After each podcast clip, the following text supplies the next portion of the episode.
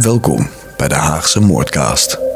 De podcast over moord en mysterie in de Hofstad. En in deze aflevering bespreek ik de gruwelijke moord op de 23-jarige René Christine Barendrecht, die in 2021 brandend in een berm in de Scheveningse bosjes werd aangetroffen. De zaak die bekend staat als de Haagse rugbymoord. Op 5 juli 1997 wordt René Christine Barendrecht geboren in het kleine Utrechtse dorpje Schoonrewoerd. Samen met haar ouders en twee broers verhuisde naar Den Haag. Volgens haar ouders zat René vol levenslust. Het was een doorzetter, supersportief en sociaal. Ze deed aan meerdere sporten en zat in het Ladies Extreme Rugby Team van de Haagse rugbyclub. Haar liefde, creativiteit, behulpzaamheid en haar onuitputtelijke doorzettingsvermogen waren inspirerend, gaf haar broer Filip aan. Helaas is hier op 23 mei 1921 een abrupt einde aangekomen. In de nacht van 23 op 24 mei is de 42-jarige Ferry T. op zoek naar een prooi in de buurt van Scheveningen en de nieuwe Scheveningse bosjes. Al verklaart T. dat hij die nacht alleen drugs wilde kopen, de rechtbank stelt dat volstrekt onaannemelijk. René fietste op dat moment na een avondje stappen met haar teamgenoten van de Haagse rugbyclub naar huis.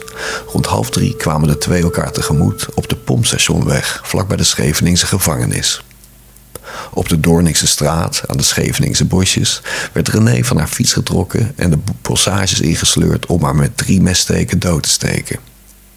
T reed vervolgens naar huis om benzine te halen om het lichaam van René in brand te steken om zo zijn sporen te wissen.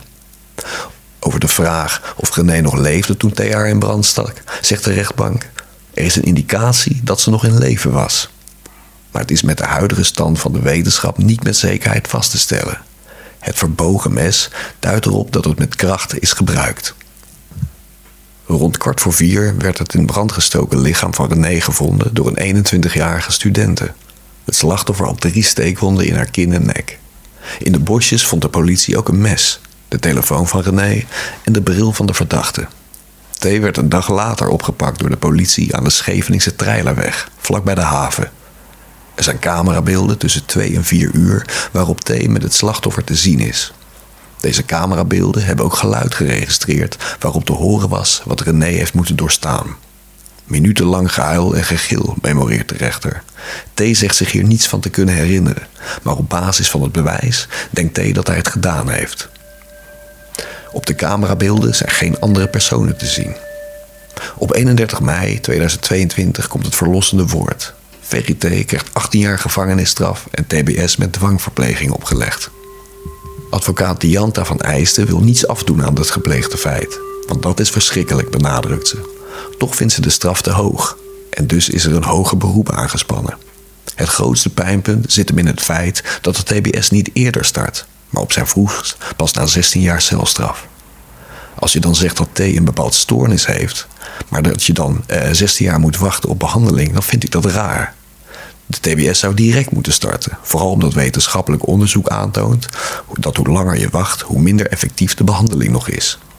Er wordt in feite gezegd: je bent gek, maar we laten je nog even gek blijven. In het Pieter Baan Centrum werd al eerder geconcludeerd dat T een gevaar voor de samenleving is. Er is geen psychose vastgesteld, wel heeft hij stoornissen die duiden op borderline en narcisme. Ook heeft hij op geen enkel moment openheid van zaken gegeven over zijn gruweldaad. Volgens Van Eijsten is T bang dat hij nooit meer vrijkomt. T huilde vaak tijdens zittingen, maar de rechtbankvoorzitter sprak hem streng toe: Niet doen, wees een vent. De dag voor haar dood werd René aangenomen bij de Haagse brandweer. Het is ook in dat verband zo vreselijk pijnlijk dat ze brandend werd aangetroffen door haar toekomstige collega's, vertelt haar moeder tijdens de zitting. Nog dagelijks heb ik haar brandende lichaam voor ogen. Mijn meisje dat bij de selectie voor diezelfde brand weer zo'n indruk had gemaakt, brandend in de berm, terwijl haar toekomstige collega's haar lichaam blussen. Het valt de familieleden zwaar dat ze het lichaam van René niet meer mochten zien vanwege de verminking. We hebben haar opgehaald in een bodybag, zegt haar vader. In mijn gedachten weet ik precies hoe ze eruit heeft gezien in verbrande toestand. Ik zie deze beelden voor me, zegt haar moeder. Ze overvallen me op onverwachte momenten overdag of in het donkerste van de nacht. En ik weet niet wat erger is. De confrontatie die ik niet mocht hebben, of de beelden die ik nu zo vaak voor ogen heb. Wij als ouders en broers zullen de brute daad van deze verdachte onze leven lang met ons meedragen, benadrukt de vader. Nooit zal ze er meer bij zijn als we samen kerst vieren of samen zijn voor een verjaardag. René zal altijd 23 blijven. Van de nieuwe bucketlist van René die we tussen haar spullen vonden, heeft ze niets kunnen afstrepen. Van haar en onze gezamenlijke toekomstplannen is niets meer over. Het enige dat nog over is, is een klein plukje haar dat we van de recherche thuis overhandigd kregen.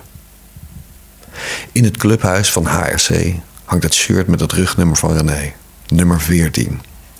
Dat hangt op een ereplaats met een erg mooi fotoboek dat van haar is gemaakt. En met dat nummer wordt nooit meer door iemand anders gespeeld bij de dames. Dat blijft haar nummer. Daarin eren we haar altijd.